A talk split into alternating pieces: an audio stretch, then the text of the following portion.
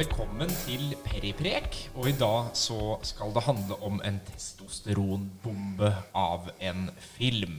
Og med meg i studio så har jeg fått besøk av Kjell Jørgen Holby. Velkommen. Takk, takk. Hei, hei. Strålende å være her. Ja, så hyggelig. Det er jeg glad for. Du, Vi må jo bli litt kjent med deg. Ja. Hvem er Kjell Jørgen? Nei, Han er jo tidligere kollega av Peri. Ja, Kanskje primært i denne sammenheng. absolutt. Jeg er, eh, har jobba her på Litteraturhuset eh, før, og jobber nå som frilanser. Journalist og manusforfatter og konsulent og ja, litt sånn eh, dann og vann. Så jeg har skrevet litt for TV sammen med Gjermund Eriksen. Aber Bergen er jo en veldig aktiv TV-serietitter, føler jeg. Så det er vel egentlig sånn de store trekk. Det er de store trekka. Ja, ja. føler det. To filmentusiaster som uh, møtes. Yep. Og da vi snakka om at vi måtte spille en episode sammen, så kom jo du med en gang med en film som du mente at vi burde prate om. Absolutt. Det er jo en veldig, dette er jo en film som eh, Når man researcher den, så ser man at det er en film som har satt uh, merker, men den er ikke så veldig kjent. Nei. Den er ikke noe sånn blockbuster og gjorde ikke så veldig bra økonomisk. Og den er jo, den er jo også etter hvert begynt å bli litt eh, gammel. Den er fra 1985. Og poenget med å velge den filmen, det var ikke egentlig at det er den beste filmen jeg vet. Det er liksom ikke, det er ikke 'Gudfaren' eller 'Apokalypse nå' eller Men det det er, det er vel antageligvis den sterkeste kinoopplevelsen jeg noensinne har hatt. Ja. Og jeg så denne filmen eh, veldig tett på premieren på Colosseum i Oslo etter å ha vært et år i eh, USA. Og jeg husker at da jeg og kompisen min, som, vi, som jeg så den sammen med, da, gikk fra kinoen, så gikk vi nedover Kirkeveien, og det var altså som å ha fått en sånn eh, vanvittig slag i magen. Altså. Det var helt sånn, eh, det var helt ellevilt. Og det rare er, da har jeg sett den på nytt, da, selvfølgelig. Nå så jeg den på det motsatte av Colosseum. Jeg så den på, på um, telefonen min. ja, bare på den lille telefonen? På den lille telefonen, uten hodetelefoner. Og det kuleste var at jeg fikk akkurat den samme følelsen. Er det sant? Ja, jeg gjorde det. altså. Og filmen det er snakk om, da, Yes. det er altså 'Runaway Train'. Som er en, eh, må vel kalle, kalles en actionthriller. Fra, som sagt, 1985. Eh, Andrej Kontsjalovskij eh, er eh, regissør. Han har regissert masse, men veldig mye i Russland. Han er russer. Hovedrollen eh, bekles av John Voight, ingen yngre. Og han har med seg Eric Roberts i den helt sånn soleklare supportrollen. og så er Rebecca Mornay har en liten, mindre rolle, men det er jo et kammerspill, dette, faktisk. Det kan vi komme litt tilbake til, hvordan det liksom er, eh, er, er skrudd i hop, da. Ja, det må vi jo. 1985, det er året jeg ble født. Nettopp. Og jeg hadde jo ikke sett den filmen her. Ehm, så det her ble jo nesten en liten sånn utfordring fra deg til meg mm. om å se filmen. Og det gjorde jeg for to dager siden, når vi spiller inn det her. Ja. Og det var jo en sånn veldig veldig morsom opplevelse. Eh, fordi det har jo skjedd mye. Og det har skjedd mye med actionfilm Ja. siden 1985. Det må vi kunne si.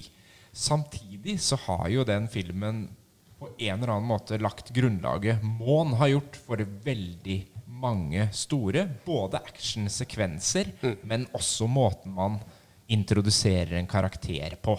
Ja. Og det kan vi jo kanskje starte der, for Runaway Train det, det er liksom to deler. Den første delen er ordentlig fengselsfilm. Ja. Og så kommer vi inn på et tog etterpå. Ja. Eh, og det er en fengselsrømming. Eh, så, så den har jo liksom Den har tre elementer som vi har sett mange ganger i andre filmer senere. ja, Ja. det er riktig. Og så har den jo den derre som har blitt mer og mer vanlig, den derre myteomspunne eh, måten å presentere en karakter på. Ja, ja, ja. ja. For ta oss nå inn i hvordan Dette er jo liksom Hannibal Lecter-trikset. Rett og slett. Og det er jo at du finner en fyr, da, eh, som i dette tilfellet er Oscar Manheim. Som uh, kalles Manny, og som er den store helten blant uh, fangene i Stonehaven eh, eh, Maximum Security Prison, som ligger eh, langt, langt nord i Alaska. får vi si. Midt ute i ingenting. Og han er opprinnelig altså Vi kan si to ord om manus, bare, så vi har det på plass. fordi manuset det, er litt mystikk rundt det, men det er faktisk skrevet av Kiro Kurosawa. Ja, det så jeg. Og så tenkte jeg hva? Kan nå det stemme, tenkte du? Det stemmer? Det stemmer, i den, det- og det stemmer altså i den grad at han planla å lage denne filmen. Rett og slett 20 år før. 1965. Så ble ikke det noe av, sånn som det sikkert ofte er i Hollywood. Penger, bla, bla, bla.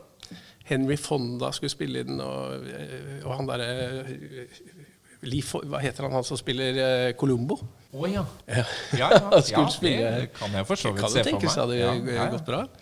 Men iallfall så I det- de opprinnelige manuset så var Manny da, han var en, eh, han var eh, en drapsmann. Men det eh, gikk de vekk fra, fordi de mente at en drapsmann ikke ville kunne få den statusen i fengselet som Manny har. Så han er altså en eh, kløktig eh, bankraner i denne filmen. Men han er da også en, en rømningsfarlig fange som har rømt fra dette fantastiske fengselet to ganger før. Og derfor er liksom fengselsdirektøren sånn personlige fiende. Og fengselsdirektøren er jo da spilt av en som heter John eh, Ryan. Og han har ikke spilt så veldig mange roller, tror jeg. Eh, ikke som jeg har kunnet fi- finne, iallfall. Jeg kjente den ikke så veldig godt igjen. Og så titta jeg litt på liksom, hva han har gjort uh, før og etter. Og det var det ikke liksom- noe navn som jeg tenkte sånn Å ja, det er han. Nei. Men, han er perfekt i den rollen. Rollekarakter, da. For han har da gått til det skritt å sveise inn Manny i cellen. Da preker vi. Da preker vi, vet du. Så han har liksom uh, sittet innesveiset i cella si i tre år. Og når, og når filmen begynner, så har de da endelig fått en dom på at det går ikke an. Rankin. Du kan ikke sveise en kar inne i tre år, så nå må du slippe ham ut. Og så begynner det jo da med en helt sånn fantastisk konfrontasjon mellom Manny og Rankin. Og der legges jo, som du sier, der legges liksom alt på plass. Der vet vi at Manny er en eh, ensom eh, ulv som tåler hva som helst. Som bare har et pragmatisk, nihilistisk syn på virkeligheten. Og du har altså da Rankin som sier noe sånt som at 'you're an animal'. You're an animal. Og det legger jo på veldig mange plan så legger det premissene for resten av filmen. Veldig. For spørsmålet er jo rett og slett er Manny eh, et dyr, eller er han det ikke? Ja. Og det finner vi jo kanskje ut av. Mm. Og det, det var jo litt spennende når jeg leste om filmen før jeg satte den på. Så sto det jo faktisk at det er en filosofisk actionthriller. Det er jo det, vet du. Og det er det jo. Det er jo noen av dem, men det er kanskje ikke først og fremst det man tenker på når man ser en actionfilm. Eh, sånn som Die Hard og alle andre sånne Mission Impossible og sånn, så er det ikke så ofte at man kommer inn på de derre Hva er det å være godt eller ondt menneske? Eller, altså det er veldig ofte veldig svart-hvitt. Ja, og så har du jo dette med identitet, da, som i Jason Bourne og sånn. Det er jo til en viss grad filosofisk, kan si. Men her er jo, her er jo spørsmålet veldig sånn uh, klart stilt. Uh, hva er ondt? Hva er godt? Hva er menneskelig? Ja. Eh, og, og, og hva liksom Hva representerer uh, Hvilke rammer har forskjellige mennesker å være mennesker i? Tenker jeg på mange måter. Og det er jo også et, et grep i at han har vært isolert i tre år, som veldig mange mennesker ikke ville tålt. Ja. Men han sier bare «Nei, jeg kunne lett tatt ni måneder til. Ja, ja, ja. Det er ikke noe problem. Og han ser jo liksom Han er topptrena. Han tar armhevninger idet denne fengselsdirektøren kommer inn og skal liksom den en siste gang. Yep. Han reiser seg opp og sier bare ja ja, samme det.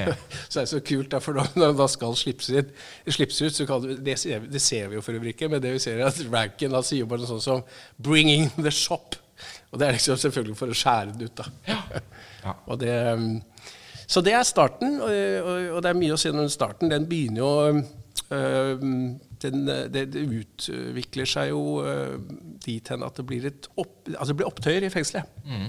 Og det har en sånn uh, Hva skal jeg si Cinematografisk så har det noe å si i forhold til farger og, og utvikling av palett osv. For det er jo åpenbart at dette fengselet er jo på mange måter helvete.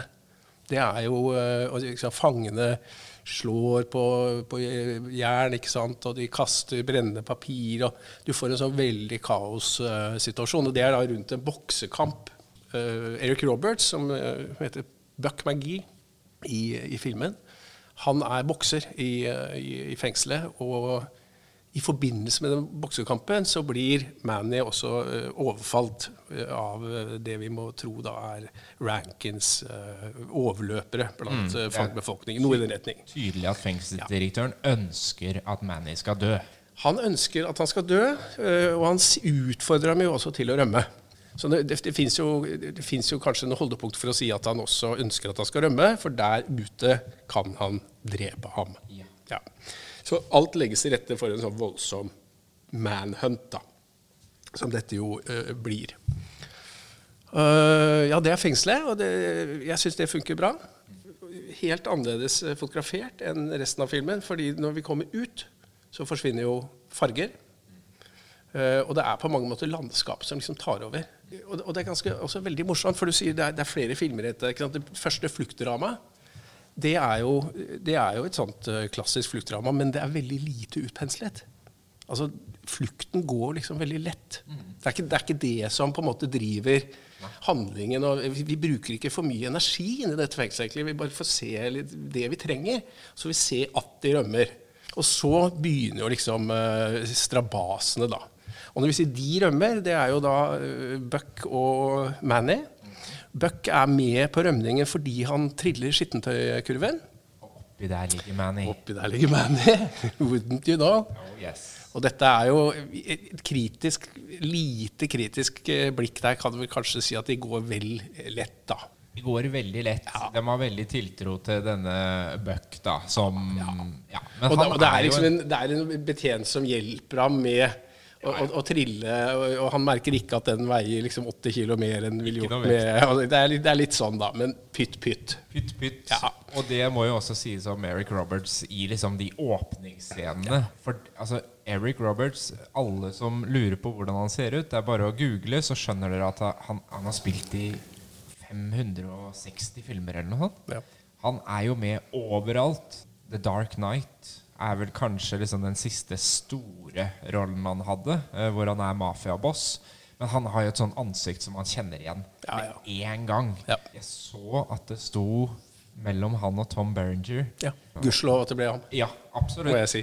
Helt fint at Berenger valgte å, å spille inn Platoon i stedet. Det var derfor han sa nei. Eh, så, men Eric Roberts har jo et sånn ansikt men jeg har bare sett den i de nyere filmene. Ja. Så det var så gøy å se han som ung og topptrena. Ja. Han la på seg 15 kilo, da. For han skulle jo I muskler. I muskler ikke sant? Og, og, så dette er jo sånn Og, og John Voight var eh, oppholdt seg lenge i, i eh, San Quentin. Mm. Ja, det hørte jeg. Ja, Og flere av de folka som spiller fanger, er tidligere fanger flere av dem fikk faktisk sin inngang i film som skuespillere med denne filmen. Blant annet han, eh, han som heter Danny Trejo, eller ja. hvordan man uttaler det. Danny Trejo. Trejo ja. ja. Han har vi jo sett uh, mange ganger ja. etterpå. Og han, sin, han, fikk 350 dollar dagen for å, for å spille denne filmen. Fantastisk. Og han var der. han var på settet fordi han var uh, sånn sponsor i uh, i Anonyme narkomane. For en av folka som var i produksjonen. det er litt stilig.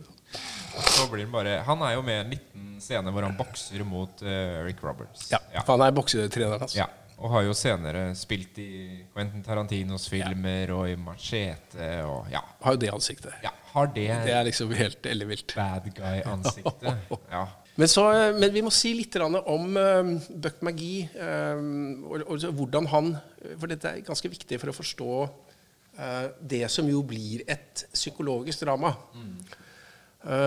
Og det er jo at han har ikke planlagt å rømme.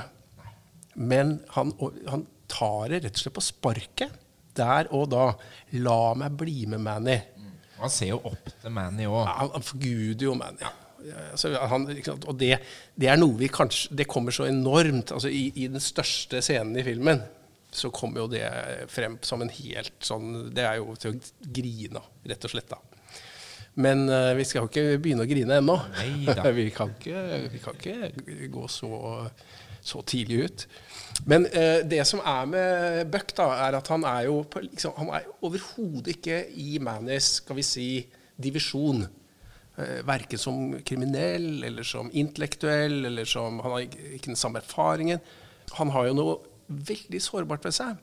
Og det som er interessant, er jo dette ledemotivet vi hele tiden snakker om nå. Er Manny et dyr eller ikke? Det er jo bare interessant som en liten, sånn, liten, å notere seg at han jo har dyrenavn. Han heter Buck Maggie. Uh, og det er jo på en måte det, Han er en ungbukk, altså. Mm. Og jeg vet ikke om du la merke til det, men det er også noe fascinerende med uh, I et sånt fengselsmiljø, så uh, i boksekampen, så blir vi jo helt sånn perifert minnet om at dette er et sånt homoseksuelt miljø. Nemlig ved at uh, han som løper rundt, altså en av cheerleaderne, så å si, da, ja. er, er, mann. Ja, for det, det, tenkte jeg faktisk på at til å være liksom 1985, ja. så gikk man ganske langt i å gi rom til en helt tydelig homofil karakter. Ja, ja. Som går der og vifter med denne tavla som viser hvilken runde de er i da. Eh, uten at noen det på en liksom måte helt... roper noe ukvemsord eller noe sånt igjen. Er, sånn er det der. Sånn er det i fengselet. Og det er hans rolle i det fengselet. Mm. Og det blir som du sier, det er, det er helt umulig å ikke få med seg. Samtidig så blir det overhodet ikke liksom, fokusert. Uh, men det legger altså grunnen for uh, et sånt litt rart trekk med uh, Buck. Og det er jo at han For det første blir han portrettert som mye svakere enn Manny. Altså, han, han, lider, han har, har vondt, han er, mangler fryser. Han klager en del, da. Og så har han noen veldig rare klær på seg hele tiden. Han har på seg sånne kyser og skaut. og Altså På en eller annen måte så er han en slags sånn liksom feminin variant av Manny. Uh, og Jeg vet ikke helt hva det betyr, men at det er noe de har villet, og gjort med vilje, det er helt overbevist om. For der, der, er det en eller annen spenning, da.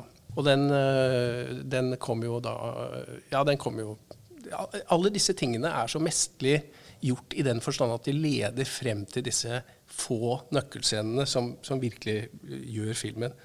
Jeg vet ikke om du er enig i det, Perre, men jeg mener at dette er en veldig baktung film. I den forstand at den siste fjerdedelen er enormt fortettet i forhold til starten. Mm. Starten er lettere, på en måte. Liksom, mens, mens, etter hvert så skrur dette seg til og, og får liksom veldig kraft, etter mitt skjønn. da. Ja, og, og i, i, starten så er det jo litt mer sånn man, man, har jo ikke noe særlig sympati med dem heller. Så det at Buck hele tida faller litt bak Han må gå gjennom snøen barbent fordi han, han, er jo ikke forberedt i det hele tatt. Han klarer ikke å åpne skap med en lås på engang. Og han er kriminell i et høyrisikofengsel yes. som har rømt. Og han orker ikke å ta på bæsjen i kloakken. Og Liksom. Alt er vanskelig Alt er for bøkene. Uff meg. I need some shoes, man. Ja, I need shoes, shoes. Og, og, Manny er jo heller ikke noe særlig interessert i å hjelpe han. Nei, for han vil jo Han, han er jo en ensom ulv. Han vil klare seg aleine. Og han vet vel at Buck øh, kommer til å bli et problem på et eller annet vis. Han vet at han, han har dårligere odds med, øh, med, med, Buck enn han ville hatt alene. Og det skal sies, han, han lar ham jo bli med. Men et av, og det er dette forholdet mellom dem, dette, eh, om de er partner eller ikke. Altså for Buck er det enormt viktig å være partner. Og, og Manny sier jo selvfølgelig Og dette er på en måte litt sånn standard skript, får vi si, da, men dette er tidlig. da, De har liksom funnet på det, han har sagt. Han vil jo ikke ha noe med Buck å gjøre, egentlig. Eh, men OK, du får være med, du er på eget ansvar, liksom. Så, eh, og da blir vi jo, eh, de, de, kommer ut av fengselet på en litt spektakulær måte. Uh, uten at vi trenger ja, Shawshank Redemption-måte. Ja, den er, jo, den er, jo, veldig flott, liksom. Absolutt. Og vi har jo fått vite selvfølgelig hvor kaldt det er der ute. Og det er 30 minus Fahrenheit, så vi snakker kanskje 40 celsius. da, ikke sant? Og det er kaldt, altså. Og de begynner i en elv. Og det, altså, det hadde jo ikke gått. Hadde ikke gått. det hadde jo ikke, gått. gått. Og han har ikke sko, osv. osv. Buck roper jo hele tida 'Jeg dør, jeg dør, jeg dør'. Kom igjen, da, sier han. Kom igjen. Nå går vi videre. og det er det eneste jeg syns de ikke har fått til i filmen. Det er å skape den uh, illusjonen av kulde. Mm. For den er visuelt helt tydelig, selvfølgelig, det er, i og med at det er is og, og sånt noe. Men skuespillerne ser ikke ut som de fryser. Nei, og det, jeg tenkte på det faktisk når jeg så det, for det, det må jo vært på location, de Ja. tinga her. Det er jo ikke gjort i studio, det er ikke fake snø og sånn. Altså, det ser iskaldt ut. Og Japp. de Han rusler jo barbent rundt her, liksom. Det må jo ha vært Det, var, det, er, det, er, ja, men det er, det er juksesnø, ser. Det er det. Ja, for det var ikke snø eh, da de skulle skyte. Nei, Det er- det er jo skutt i Alaska, i Montana og i California. Så alt interiør og- og fengselsscene er i et eh, gammelt fengsel i Oregon, tror jeg. Eh, Så det er ekte.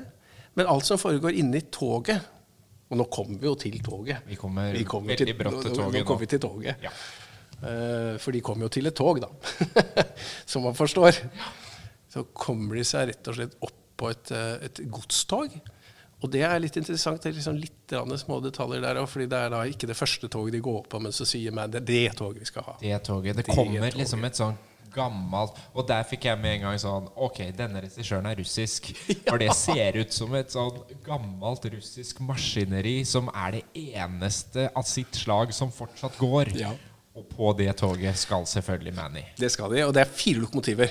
Og de hiver seg om bord, og next thing you know maskin, Altså lokføreren Croak.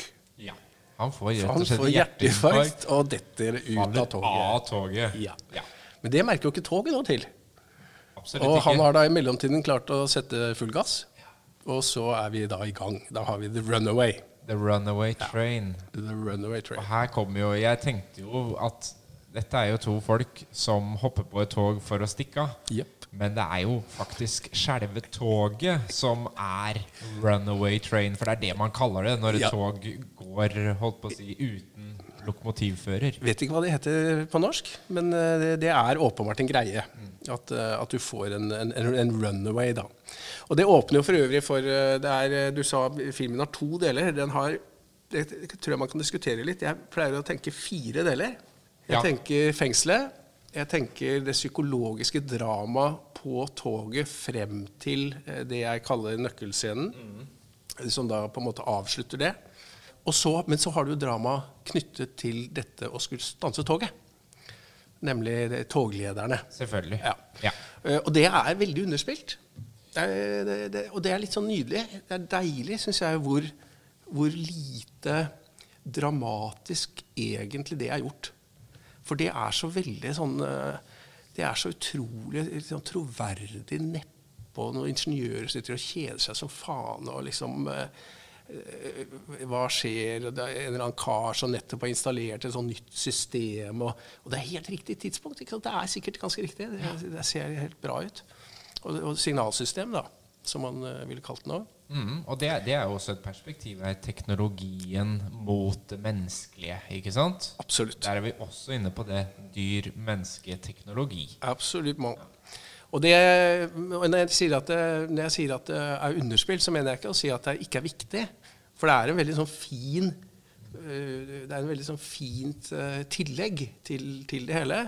Men det er veldig interessant. øh, Jeg vet ikke om du tenkte på det en gang. altså det er jo veldig sjelden noen filmer hvor eh, handlingstråder, da, vi skal kalle det eh, består av folk som ikke er i kontakt med hverandre overhodet. Men det er tilfellet her. Altså, Manny og, eh, og Buck er aldri i kontakt med noen andre, bortsett fra helt på slutten. Og den eneste kontakten, eneste måten uh, dette eh, togledergjengen blir skal vi si, halt inn i handlingen på noe som helst vis, det er jo rett og slett fordi Rankin kommer og skal hjelpe til å finne toget, så han kan komme om bord med helikopter på slutten. For han gir seg jo faen ikke. Han skal jo finne Manning. Ferdig med det. Men det må vi jo komme tilbake til. Vi kommer For- tilbake til det. For først, Nå har de jo akkurat da hoppa på det toget. Ja. Og de heller vet jo ikke med en gang at dette er et tog som går for full maskin uten noe lokfører. Men selvfølgelig, og da får vi jo si at det er litt selvfølgelig, da. For hva er liksom noe av det første bandet sier? Something's wrong. Yeah. something's wrong. Something's wrong. ja, han kan bare You can feel it. Men de finner jo ut av dette, da. For det, det, det, er, det er kanskje den delen av filmen som står sånn minst tydelig for meg. Det er den der første delen av togturen. For da skal det jo etableres at toget går fortere og fortere, og at uh, så, Da får du mer den der alarmen går hos toglederne. De får et krasj. Det er sånn å, 'Hvis vi kommer til brua, da kommer det Det nytter ikke.' og liksom... Så, så da er det mer sånn, liksom katastrofeorientert å øke tension hele veien. Men så skjer det jo noe. Og det er vel kanskje Det er veldig veldig sjelden at en, så, at en karakter bringes inn i en film så seint. For vi snakker, Nå har det gått ganske mange titalls minutter. Vi er ja. kanskje ute i 40 jeg minutter, tenker jeg. Jeg tror faktisk, jeg leste det på nett, at vi er oppe i en time før, før. denne karakteren blir introdusert. Det er litt fantastisk. Ja. Vi kan jo si at som sagt, altså går dette toget fortere og fortere, og det er ikke måte på. Det krasjer med et annet tog, og det holder på å kjøre ned en gammel bru. Og det, det skal egentlig bli, bli, avsporet. Men så hører han derre stasjonsmester eh, på Kaktussletta inne i Alaska, han hører jo det tuter. Ja. Det blåser i fløyta. Ja. Aha, det er noen på toget. Og det merker jo, det hører jo Buck og Manny òg, for å si det sånn. Det viser seg å være Sarah, spilt av Rebecca de Mornay. Og etter mitt skjønn den helt åpenbart svakeste skuespillerprestasjonen i filmen.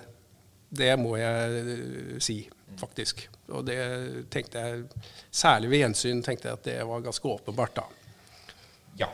Jeg ble veldig overraska også fordi at jeg kjenner hun som på en måte et slags sånn sexsymbol fra den sida. Eh, akkurat som Sharon Stone i Basic Instinct. Hun spilte i den der 'Hånden som rører vuggen', ja. hvor hun var en litt sånn forførerisk, men gal dame. Femme fatale yes. Veldig sånn flott, blond. Virkelig ikke det vi møter her, da. Og det var jo for så vidt kult. Ja. Men det er jo noen der kan man jo selvfølgelig også diskutere manus litt, men det er jo noen reaksjoner ja. som er sånn Å nei, ikke gå ut der. Veldig. Ja. Det, er, det, er, helt utrolig on the nose, mm. og hun gjør kjempelitt ut av det. Ja. Men det funker allikevel som en sounding board. Altså, det, er riktig, det, er, det er jo helt riktig å, å, å, få inn en tredje person der for å liksom være sånn lynavleder og, og utlede kreftene mellom, mellom, Buck og Manny. Trenger på en måte å, å få noe avledning og, og respons. Og, og, i det forstand funker det, syns jeg. Og jeg syns det funker ganske bra i, i den scenen som jo, som jo, nå er i ferd med å bygges opp til. For da er uh, saken er den at de, er da, de klarer å få uh, senket farten på toget litt ved å koble fra strømmen mellom vognene. Så de slår av på en måte ett og ett lokomotiv. da. Men frem til det første lokomotivet, som jo styrer hele butikken, der er det ikke noe railing og det er ikke noe noen ting. Så det er liksom Det er jo det som blir manndomsprøva. Det Er, der må du manuelt fram. Der må du manuelt fram ja. i uh, 120 km i timen. Og, ja. teknikken, da. Ja. Det, er, det, er, opp til menneske eller dyre å avgjøre det her. Jeg tipper at det ikke er sånn lenger. Noen har tenkt. Noen har tenkt. Det kan jeg bekrefte for øvrig. At vi får nytt signalsystem nå i, i uh, Norge de neste ti årene. Og det er helautomatisk utenfrastyrt. Og, og jeg vil nok tro at i dag også kan jo ikke altså hvis, Toget i dag kan jo ikke rett og slett gå mot, uh, på rødt. Nei, det må Lar seg ikke gjøre. Nei, det må kunne stoppes. Ja. ja. Men eh, vi får tro at eh, det var sånn i Alaska at dette kunne skje. Og hvis ikke, så er det ikke så nøye heller, tenker jeg. Men iallfall så skal Manny ut da, eh, og, og, gå denne turen. Eh, og, det, og, dette er jo på mange måter den klimaktiske scenen mm. som avslutter det psykologiske dramaet. Eh, men Manny er skadd i hånda, mm. så han blir overtalt til å la Buck dra istedenfor seg. Uh, og Buck uh, går ut, og han, for å gjøre en lang historie kort, så prøver han. Får det ikke til. Så skal han tilbake inn i kupeen, og da nekter Manny å slippe ham inn. Han skal faen ikke ha en sånn feiging som ikke klarer å gjøre det han har satt seg fore. Som ikke klarer å Som ikke har tankekraft, ikke har vilje til å, å få til dette. Så han nekter ham rett og slett å komme inn, holder igjen døra. Så ender det jo med at han kommer seg inn, han knuser og kommer inn. Og det er da liksom dette enormt voldsomme dramaet mellom Manny og Buck altså Det er jo her de begge ble, eh, ble Oscar-nominert. Og det er for denne scenen, vil jeg mene. altså. For da er det altså noe helt vanvittig som skjer. Da og det er, Ja, man må se den, egentlig. Vi kan, vi kan, kan beskrive den senere. Men den ender jo med uh, at Den ender jo med at Manny får en eller annen type åpenbaring. Han sier ingenting om det. Alt et undertekst. Altså, De krangler bare om hvem som skulle gjort hva, og hvem som er og ikke er. og sånt nå så ender det med at Manny liksom snur seg litt sånn inn i seg sjøl. Og så får du altså Eric Roberts da, som Buck som sier I thought you was my friend. I thought we was partners. Og de, liksom de, eh, de replikkene der, det skal mye til for å levere bedre enn han gjør, altså. Ja, det er veldig, veldig troverdig fra en fyr som han jo hele filmen har liksom irritert seg litt over. Ja, kanskje ja. tenkt at ja, ja, han er en sånn Ja, han skjønner Han er tett. Mm. Og han kan jo umulig klare det her. Nettopp. Så i, bare i de setningene så har vi liksom snudd all sympatien til han.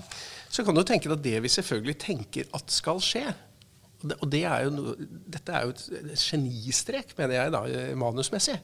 For det vi jo selvfølgelig egentlig forventer at skal skje, er at Buck skal klare det. Ja, ja, ja. Og på den måten liksom få verdens gunst og osv. Det ville jo vært liksom den minste motstandsvei her. Og det er jo det vi liksom egentlig tror. Det var det jeg trodde skulle skje når han da blir nekta å komme inn. Så prøver han allikevel, ikke sant. Nå, ok, Det var liksom den siste For i alle andre typer filmer så er det jo det det siste pushet eh, man trenger for at helterollene skal snu. Men, men ikke, her. ikke, her. ikke her. Og det er altså helt eh, det er, det er, veldig viktig å huske på at dette er en film som har som sitt dypeste tema hva det er, hva det er å være menneske. Uh, og, og, nettopp derfor så tenker jeg at det er en så enormt menneskelig scene. Og det er en sånn enormt menneskelig reaksjon fra Eric Robertson når han sier noe sånt som at du var vårt fyrtårn der inne. Var, vi så alle på hele det stedet så så opp til deg. Og så viser det seg at du er ikke bedre enn Rankin. Du er, du er verre enn Rankin. For Rankin er iallfall ærlig, mens du later som. Og da får, da får, jo, uh, da får jo Voight da, en, en, sånn slags epiphany som han, han, sier ingenting. Han sier ingenting om hva han tenker.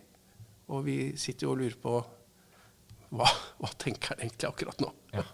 Bortsett fra at uh, Rebecca De Mornay sier da på et tidspunkt 'You're an animal'. Ja. Og så sier Manny Was. Human. Ja. Was. Was. Ja. Human. Ja. Og det kommer, det kommer helt Han trenger ikke å tenke seg om et sekund. Ikke det kommer nesten før hun har fullført replikken sin. Liksom.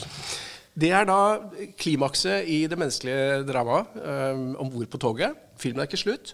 Det etterfølges av den scenen som er klimakset på um, dramaet i kontrollrommet. Nemlig nå skal toget spores av. Uh, og det skjer. Jeg må bare si det først, fordi jeg så jo denne sammen med kona mi, som så med et halvt øye i starten, men som etter hvert ble Hun syns altså dette som skjedde i kontrollrommet var det aller mest spennende. Ah, sier du det? Som hun sa, Jeg elsker filmer hvor de bare sitter og liksom De må tenke seg til ting. Litt sånn Apollo 13. Ja, ja, ja, ja, visst, ja visst. Eh, hvor alt avhenger av de menneskene som sitter et annet sted, som du var inne på i stad. Ja. Um, det er, ja, det er, det er, veldig fascinerende at hun syns. syns. Det var liksom Oi, dette er spennende. Se den derre Hva som driver dem, og hvilke valg de må ta, da. Ja. Eh, for de får jo også veldig mange sånne sekvenser som de må Skal vi redde brua? Og der, der går det også på sånn ja, her er det jo økonomien i bildet. Hvis ja. denne brua går i stykker, så må vi betale for det. Altså, det er mange sånne hensyn Kjemi, kjemi, kjemisk fabrikk. Kjemisk fabrikk, det er Miljø, ja. osv. Mange motiver egentlig som, som sys sammen der. Veldig mye sånn etikk ja. i hvilke valg de tar, da. Uh, men så kommer vi jo til slutt fram til at nå Nå må de Ja. eh, avspore toget, vel vitende om at det er en dødsdom for de tre menneskene som er om bord, Ja. som de nå vet er tre. For de har blitt sett. Ja. Og, og der òg kan man jo diskutere Hadde de gjort det hvis det var tre helt vanlige mennesker? Ja, det er vanskelig å si. Eh, eller er det det som gjør at vektskåla tipper den ene veien? At det er to fanger og én uskyldig kvinne? Dette er jo sånne, dette er jo sånne etiske eh, dilemmaer som, som, man egentlig, som man faktisk bruker i, eh, i filosofi. Det er jo sånne spørsmål som at sant, hvis du har et tog som er på vei, og du kan, du kan redde 100 mennesker ved å dytte en lita jente foran toget, ville du gjort det? Og den type ting. Utrolig vanskelig å si. Veldig vanskelig. Men jeg er helt overbevist om at det er klart at, eh, at uh, livstidsfanger, som vi snakker om her, da, uh, har vel nokså åpenbart et litt eh, skal vi si, lavere, svakere vern i en sånn situasjon. Vil jeg mene, da. så, så blir det jo enklere. Ja. Eh, og den fikk meg også til å tenke på Men det sies aldri. det sies Det er litt viktig. De, de sier liksom aldri 'fuck det'. De er, de er opptatt av de tre menneskene. Ja, ja. Eh, Så det blir aldri, det blir aldri lagt fram som et argument, som Nei. du sier. Nei. Her snakker vi om to som potensielt har drept eller rana banker eller gjort sånne ting. Mm. Um, men du har jo egentlig akkurat den samme uh, tvisten for å gå tilbake til The Dark Knight. Mm. Hvor jokeren da har uh, satt opp to båter fulle av sprengstoff. Mm. Den ene med Arkhams fanger. Uh, og den andre med vanlige mennesker. Ja, ja. Og hver får sin detonator og en tidsramme. 30 minutter. Den første som trykker, overlever. Det, jeg fikk litt den følelsen der. At de har rett og slett stjålet det ja, Kall det etisk-filosofiske dilemmaet med å velge bort eller å redde liv.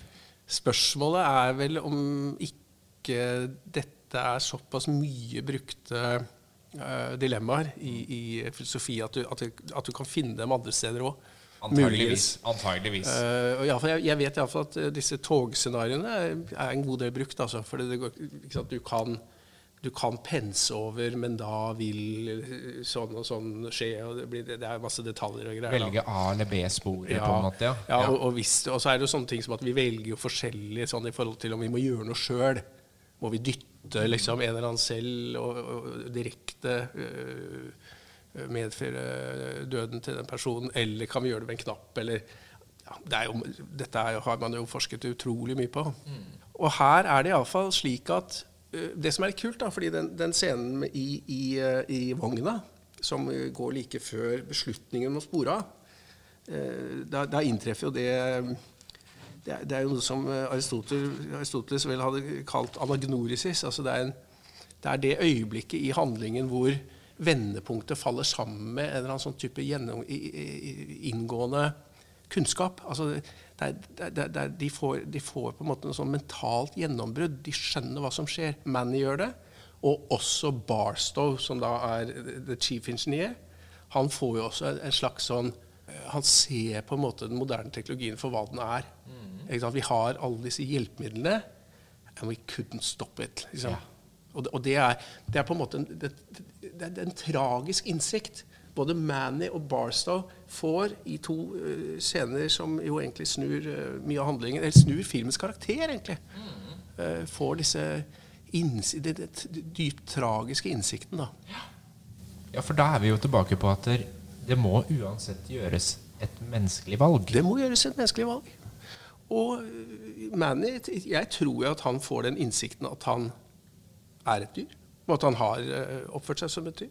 Og det er, mors, det er veldig morsomt, da, for da så, så, så blir de jo da penset over da, til dette sidesporet som, som ender i en eller annen gammel fabrikk eller gud veit. ikke sant? Da reagerer jo eh, Eric Roberts og Rebecca de Monet de, de, de reagerer ved å, ved å trekke sammen. Og, så, og det blir jo nesten en slags form for kjærlighetsscene, nesten, da. Ja, for da fall de, de, de, sant, I sine siste Så sier, så sier Sarah uh, I don't want to die alone.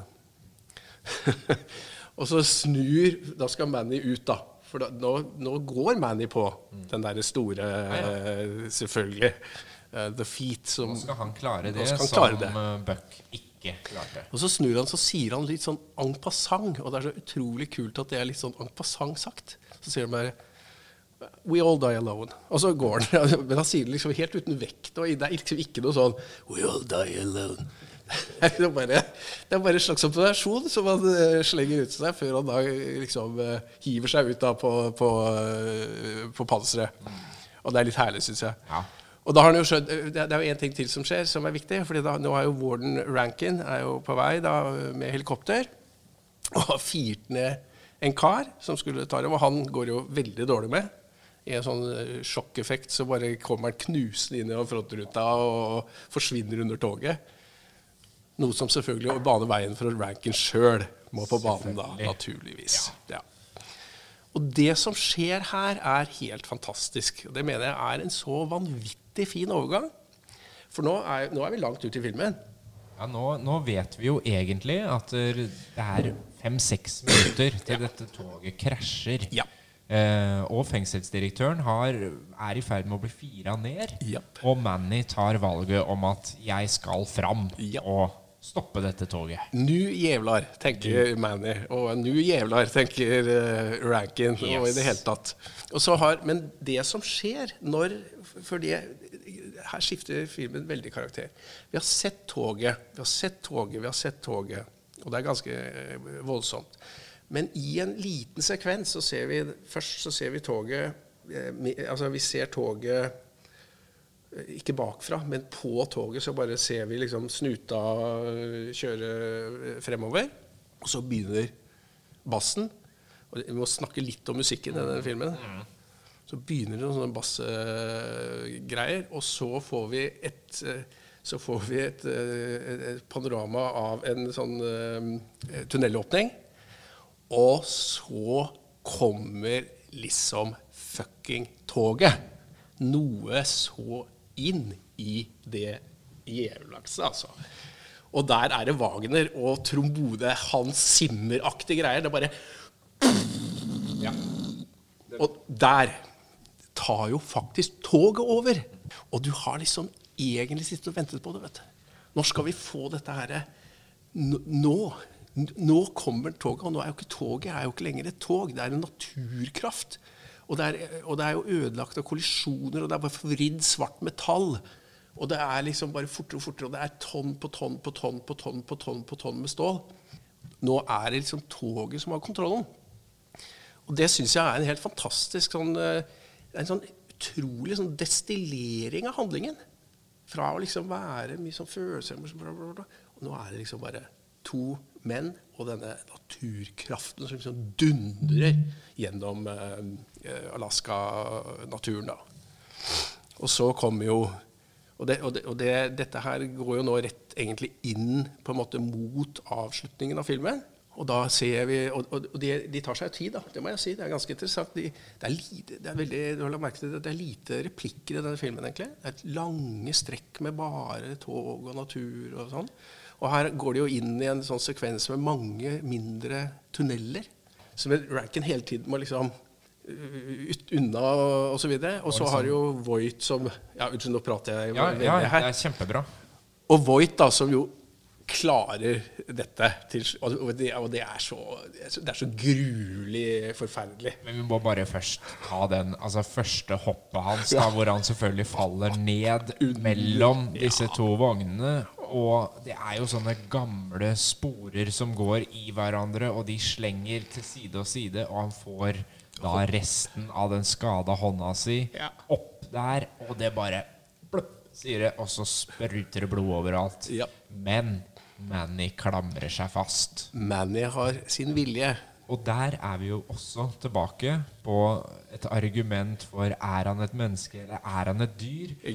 De to andre de er mennesker. De har allerede gitt opp. De sitter og holder hverandre og venter på å dø. Mens et dyr gir seg aldri. Gir faen ikke. Manny uten arm klamrer seg fast. Der er vi. Det, og han kommer seg da inn i dette lokomotivet. Og han vet jo nå at Rankin er etter ham. Ja. Og her er også en sånn veldig herlig valg av, av, av, um, regissøren. For det som skjer, er at Rankin eh, kommer seg på toget. Uh, han kommer inn gjennom døra. Men da har Manny gjort klar hva det nå er. Brannslukningsapparat eller et eller annet. Ja. tror jeg. som- Så han tar den rett og slett med en gang. ja. Og når jeg sier at jeg syns det er et så fantastisk regigrep at ikke vi der får liksom den derre kampen det, altså det hadde vært helt meningsløst. For Rankin kommer jo og er liksom varm, han er eh, topptrent. Eh, og, og alt som hadde skjedd der som, som ikke hadde vært at Manny liksom bare overrasker ham, hadde, hadde vært helt utroverdig. Det er, det er så langt fra James Bond som du kommer, på en måte. det akkurat For der ville det vært 20 minutter Ja, ja. med at liksom ah, Den slemme mannen som er bare en dresskledd fyr, Ja. han er kjempegod til å slåss plutselig òg. uh, mens her er det bang. Bang, Ferdig med det. Og det er ferdig med det. Ja, ja. Og det er helt fabelaktig. Og så lenker han under ranken med Ja, han, håndjern. han dreper han jo ikke. Han, Nei han binder den fast Han til toget. jo, han er jo mer hva skal vi si, eh, finurlig enn som så. Ja. Han lenker ham fast, og, så, og Rankin begynner jo å be Fordi det vi også må huske på, at her kan jo På dette tidspunkt kan jo Manny stoppe toget. Han kan Det må vi huske på. trykke på knappen. For nå er det en knapp å trykke på. Ja. Og så kommer jo det og så sier Rankin noe sånt som ja, vi, vi krasjer om fem minutter. Og så sier jo han det. Ja, det blir jo hyggelig fem minutter, sier Manny da. Og så sier, så sier Rankin sier at ja, men hva med de to andre i den vogna bak der? Hva med den? Skal de også dø? Og så svarer uh, Manny It's just you and me, Rankin. It's just you and me, Rankin. Er bra. Og så går tilbake med sine siste krefter, så får han kobla selve koblinga. Og det ser på en måte Det tipper jeg hadde vært utrolig vanskeligere i virkeligheten. Men det ser allikevel så relativt realistisk ut. da. At han liksom, For det er lagd på en sånn måte at det går an og liksom sånn og sånn. Og så kommer du jo inn i det som var det bildet jeg hadde med meg da jeg gikk nedover Kirkeveien.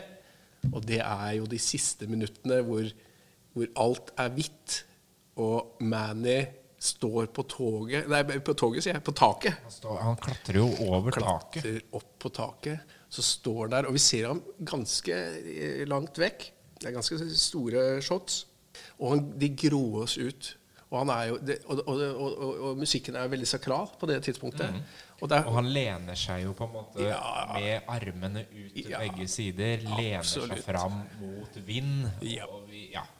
Så det er klart at det er jo veldig mye Kristusmetaforer. Og så har du han derre Rankin som sitter og gnisser tenner, liksom, i eh, underetasjen der. Men så flirer han litt, og han har det der ansiktet som gjør at han Det er så rart med det. Han sier også I am not afraid to die either. Det er liksom skal ikke, Den skal du ikke få, liksom. De er jo to alen av samme stykke jo- på hver sin side av låven. Absolutt. Eh, absolutt. ja. Og, det, og det er jo det de det er jo det filmen på mange måter rett og slett eh, viser. da, er at Du har vanlige folk, de tar vi hensyn til. Men the animals, eller overmenneskene, eller hva man nå velger å kalle de som har denne type sånn enormt nihilistisk vilje, de må bare kjøre den ut, altså. Til the bitter end. Det er som eh, kona mi sa, det her er jo Jean Valjean og Javert Ja, fra ja, ja. Les Miserables. Yes. De to. Den final countdown, liksom. Det er det. og, og, og Rankin taper, og, og Manny vinner, men taper. I'm free! I'm free! I'm free. Det òg er jo en greie, for han har jo vært sperra inne, så alt Alt er jo bedre enn det fengselet, da. Eh, Og man kan jo tenke seg følelsen av å stå på det togtaket i den hvite uendeligheten. Og vite at jo da, jeg kommer til å Nå, nå må jeg jo innrømme, jeg tenkte hele tiden eh, Jeg har alltid tenkt på fordi, fordi vi ser toget fra så lang avstand, så ser ikke ut som det går så fort. Så, så på en måte ser det ut som Kan det ikke bare hoppe av, liksom? men, men det er kanskje bare i den scenen, for det var noe av det som imponerte meg mest. Er at noen, altså Hvor bra til å være liksom 1985. Ja. Altså, det ser ut som det går unna som Men det, gjør, det går unna. det, altså. De bruker jo tog. De bruker tog. Det er tog. Og jeg tror ikke det var bare bare trygt eh, på den innspillinga der. Altså, Konchalovskij har sagt at uh, tog er liksom verre å jobbe med enn dyr. Ja. på en måte. Det er farlig, det er jævlig tungt, enorme krefter. Og du Altså, jeg har vært med på noen fotoshoots bare med bil. Liksom, hvor du må kjøre frem og tilbake tolv ganger for å få det riktige eh, bildet, liksom. Og du kan jo tenke deg å operere med liksom 600 tonn stål. Da. Og de fikk heller ingen De fikk, ikke, de fikk jo ikke stanset uh, jernbanetrafikken. Så de måtte hele tiden bare gjøre det innimellom. Så det er ganske, det er ganske kult, altså. Det er de tinga der man må tenke på når man ser en sånn type film. Og i hvert fall når man ser nå. Ja. Uh, for det er klart at den Det er jo ting som liksom ikke har tålt tidens tann helt. Ja, hva, hva, tenker du som er, hva, tenker du rundt det sånn eh, mest, hadde jeg nær sagt? Jeg tenker at eh, det er liksom noen sånn veldig påtvungne replikker ja, ja. Eh, som er litt sånn derre ja. ja det, det, kunne blitt så veldig mye mer elegant mm. eh, hvis man liksom hadde strippa bort noe. Men, men, sånn var litt filmstilen ja. på 80-tallet òg. Det var veldig sånn rett fram. Litt, uh, noen av dem er litt on your nose, ja. ja. Litt i starten, syns jeg, liksom, hvor mm. det er sånn der, nå må vi veldig raskt etablere dette miljøet. Mm. Uh, og spesielt da når Rebecca De Morney kommer inn som Sarah, liksom. Uh, der må jeg også si at jeg ble litt skuffa fordi jeg kanskje trodde at dette var en tidlig film som lot liksom en kvinne ha en eller annen nøkkelrolle. Ja, uh, og, og det, ja, det har, har jo for så vidt det i liksom det samspillet mellom hun og Buck. Ja. Men uh, de har jo hun, hun, kan jo ingenting om teknikken. De spør Nei. jo hun med en gang kan, hva kan vi gjøre. Hvordan skal vi stoppe toget? Hva, mm. hva? Og hun er sånn Nei, jeg bare jobber her, jeg. Liksom. Det er ikke Lara Croft, altså. Nei. Nei det er uh, ikke det. Så, så, så der savna jeg jo at man altså, i hvert fall kunne kommet med noe Men hadde det passet? Nei, altså det er jo det som er, da. Men, men jeg syns det hadde vært kult fordi i kontrollrommet også mm. Med en gang de finner ut at ah, det er en kvinne om bord, det er mm. ikke en mann, så sier de med oh, God help us. Mm. Liksom. Mm. Hvorfor kunne det ikke vært en mann? Og da tenkte jeg kanskje, kanskje de har lagt inn muligheten for at en hun kunne kommet med en eller annen løsning eller kunne noe om teknikken. Eller hadde en eller annen idé, da. Uh, men det får hun jo ikke. Nei, hun gjør ikke det.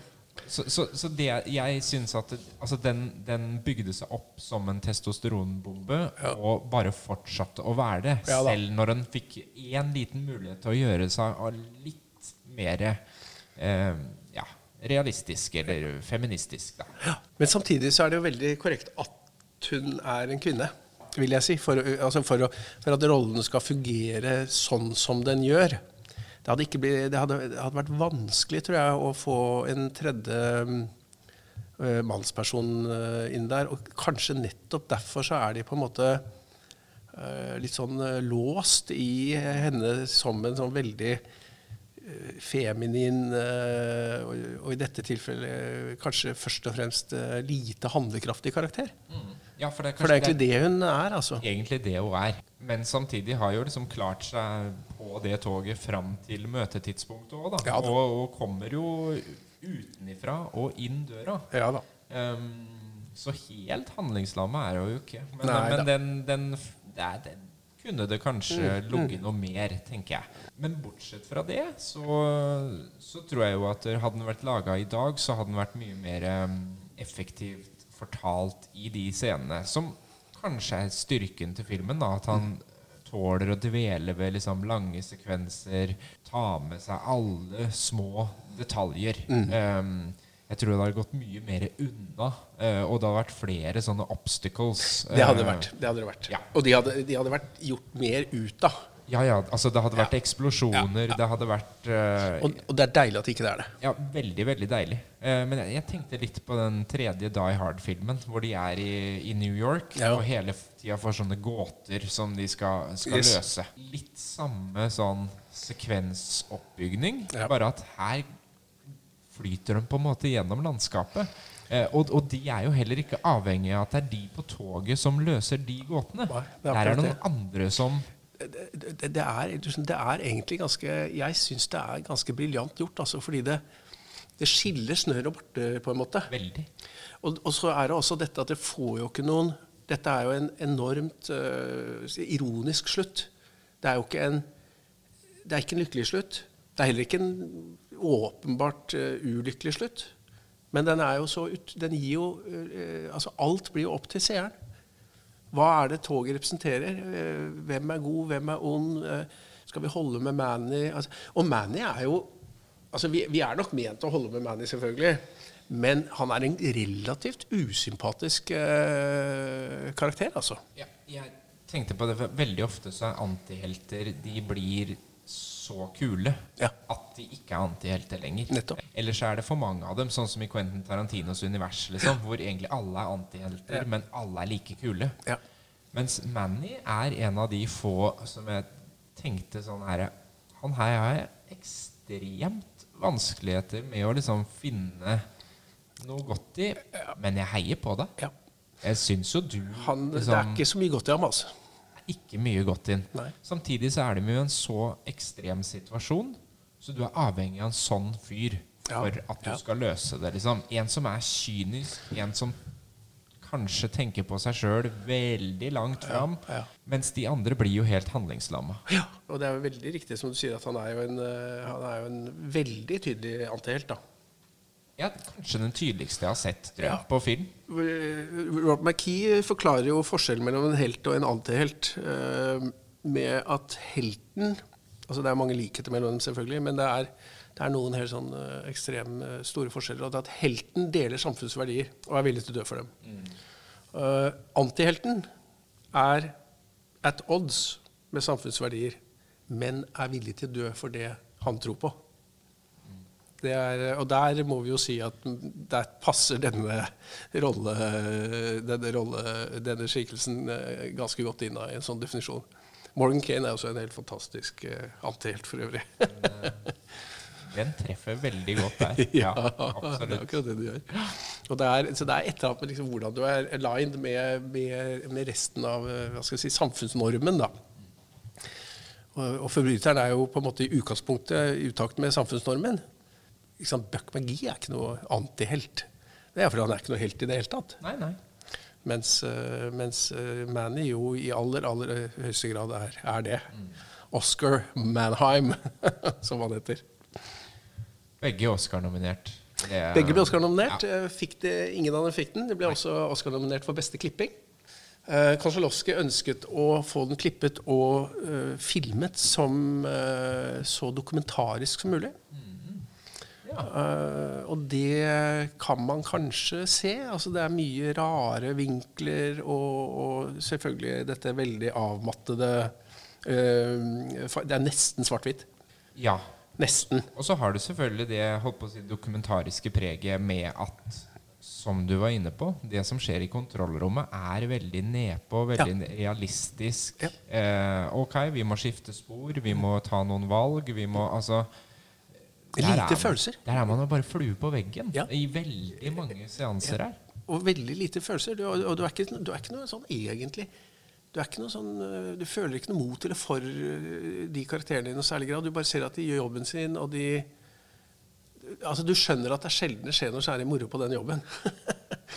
og så, så skjer dette. Og Så så må de liksom ta i tubet med det som best de kan, da. Hva syns du om musikken? Musikken er jo da på Hvem er det som har laga denne musikken? Ja. Um, og det er jo samme kar som jeg sist har hørt i Stranger Things. Nettopp. Ja. Nettopp. Har skrevet uh, for der. Og det er jo helt naturlig. Mm. For dette er jo skikkelig 80-talls uh, Det er jo så 80-talls. hour. Det er, altså, Men ja. noen ganger Jeg husker en annen film som gjorde enormt inntrykk på meg, og det har vel noe å si hvor gammel jeg var på den tiden. Det var den, eh, den filmen med Harrison Ford, eh, 'Vitne til mord' på norsk. Ja. 'Witness' het den vel eh, på. Og den husker jeg jeg var helt i svime liksom, og skulle bli amish. Og det var, ikke- det var ikke måte på greier, da. Og den har jeg sett igjen. Og den er jo liksom fra det året de skjønte at ikke de trengte symfoniorkester, men en Casio-synt. Og det er helt jævlig. Altså det, er, det er liksom helt forferdelig, på en måte. Ja. Så det er utrolig mye dårlig, dårlig musikk fra 80-tallet, syns jeg. Men jeg syns dette er helt fantastisk. Og han, du hører at han har hørt på Jeg plukker iallfall ut at han har hørt mye på Pink Floyd. ja. Det er jeg helt sikker på. Og dette er jo ikke lenge etter The Wall. Og så har han eh, På slutten så er det jo mye klassisk eh, inspirasjon, selvfølgelig. Også, men han har også hørt på Sham Sheshar.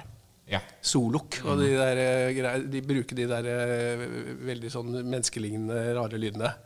Litt sånn etnoorientert. Ja, rett og slett tatt det beste fra 80-tallet. Det er det han har. Og så bruker han jo sånn shakahuri og sånn. Han bruker japanske instrumenter. Ja. Og det tenker jeg er en, et lite nikk til eh, Akiro Kurosawa. Tenker jeg. Som jo ble nominert til Oscar for beste regi i 1985, for en annen film i 1985. Som jeg også husker at jeg så. Den så jeg i Klingeberg. I Klingenberggata der, der hvor Norske Teatret lå. Da er vi på Ran. Det er vi. Det er vi. Ja. Ja. Og jeg husker jeg skjønte ingenting av den. og den er jo bygget som King Lear, har jeg da etterpå forstått. Men eh, det var jo storslagne greier, da. ja, jeg har ikke sett den. Du har ikke sett den? Nei. Den kan jo med, med hell ses, altså. Ja. Da jeg gikk filmvitenskap, så var jo liksom han opphøyd. eh, Så bare begynn å se de filmene. Men, men jeg kom liksom aldri sånn ordentlig inn i det. Altså. Nei, ja, det, er veldig, det er veldig distansert. Og dette er jo en, en av de japanske filmene. Altså. Den, eh, den er eh, ja, veldig spesiell, da. Men det er jo litt, litt så moro at det, hvordan verden liksom vever seg, vever seg sammen. Jeg lurer på hvordan det hadde sett ut hvis han hadde laga denne filmen. Altså. Det hadde vært spennende. Det, Ja. altså, vi hadde antageligvis aldri da sett den, fordi den da hadde vært 20 år Ja, du hadde kanskje sett den, fordi du jo ser på gammel film. Jeg er litt sånn eh, litt fæl, for jeg ser så sjelden på gammel film. For jeg syns det er så gammelt. Ja, men det blir jo veldig fort gammelt. det, er vel, det, er, Eh. stygt- det er ille å si det, men, eh, men jeg, jeg klarer liksom ikke sånn Dr. Mabos testament og Nei. Nei. eh, Men det er jo jeg får noe- ikke noe ut av det, rett og slett. Men kanskje skal prøve noe. Som, som holder seg. Ja. Uh, Casablanca, for eksempel. Ja. Mener jeg er en Den sånn er jo- Den er like bra. Og Jeg tror ikke han har vært noe bedre hvis man har lagd den nå. Det er jo genistrikk av en film. Er det. Rett og slett. Den er um, Ja, den, ja. Casablanca, ja. Ja, det kan vi også preke om en gang. Men eh, nå har vi jo eh, snart spora av, så nå skal vi spore på igjen. Og så gi en klar oppfordring om å finne fram 'Runaway Train'. Jeg fant den på, på iTunes, så han ligger der. ja det gjør den jeg også. Ja. Så det er jo bare å leie den eller kjøpe den. Og 39 kroner å leie. Ja, det er ikke gærent. 99 for å kjøpe. Jeg kjøpte, altså. Jeg kjøpte, Ja, òg. Du hadde framsnakket. Du hadde sagt at du må bare se, så tenkte jeg det blir ikke siste gang jeg ser denne filmen. Så går du tilbake og bare ta ut den der eh, helt kostelige scenen hvor toget bare kommer ut av den tunnelen i all sin velde. Og du hører at Trevor Jones har liksom tatt frem basstrombonene. Det er liksom Det kunne vært Hans Zimmer. Jeg tenkte egentlig det. Det er veldig kult. Det er, eh, det er, eh, det er, en, helt, det er en helt fantastisk rå scene, altså. En helt klar oppfordring. Og også det, det store sitatet når Manny Når, når Rankin finner ut at Manny har rømt, og han snur seg sånn halvveis mot kamera og sier ut i lufta Please God, don't kill them. Let me do it. Da vet du at vi er i gang. Det er ikke så subtilt, men det funker. Det funker. Runaway Train fra 1985, folkens. Eh, Leiden der du ser film. Så sier jeg tusen takk til deg, Kjell Jørgen Holby. Takk skal du ha, Peri. Vi prekes igjen. Det gjør vi.